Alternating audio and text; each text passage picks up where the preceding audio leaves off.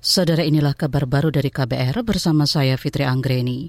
PT PLN mendorong upaya percepatan infrastruktur pengisian ulang kendaraan listrik guna mendukung ekosistem kendaraan listrik di Indonesia. Eksekutif Vice President Pengembangan Produk Niaga PT PLN Ririn Rahmawardini mengatakan beberapa program telah disiapkan untuk mendukung kemudahan masyarakat penggunaan kendaraan listrik. Kita ini juga mengajak mitra-mitra yang lain yang mau sama-sama bergerak di bidang EV dan ini menjadi bisnis yang barangkali juga bisa menguntungkan. Ini kita berkolaborasi. Jadi kita ada SPKLU dan SPBKLU dengan sistem kemitraan. Jadi supaya percepatan tadi bisa cepat tercapai. Dan saudara, Ririn mengungkapkan PLN telah menyiapkan stasiun pengisian kendaraan listrik umum SPKLU di berbagai provinsi di Indonesia. Sebanyak 616 SPKLU tersebar di seluruh Indonesia. Sementara untuk mendukung penggunaan sepeda motor listrik berbasis baterai, PLN juga telah menyusun strategi untuk menyiapkan stasiun pergantian baterai kendaraan listrik umum di sejumlah ruas jalan. Kita ke informasi haji saudara. Kementerian Agama menambah 28 toilet per maktab untuk mencegah antrian panjang jemaah saat puncak haji mendatang. Menteri Agama Yakut Kolul Kaumas mengatakan persiapan pelaksanaan haji di Mina sudah mencapai 99 persen.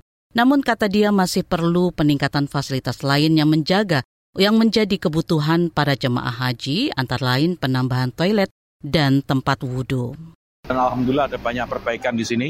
Salah satu yang paling penting adalah toilet. Toilet per maktab sudah ditambah 28, jadi kurang lebih akan kira-kira akan memperpendek antrian jamaah yang akan ingin menggunakan toilet dan tempat wudhunya juga sudah bagus.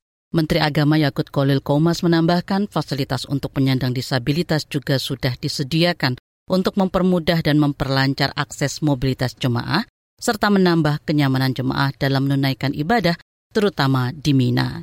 Kita ke informasi olahraga saudara, atlet olahraga virtual atau e-sport kelas dunia berkumpul di Singapura untuk bertanding dalam ajang Pekan Olimpiade e-sport pertama yang digelar mulai hari ini hingga Minggu 25 Juni mendatang.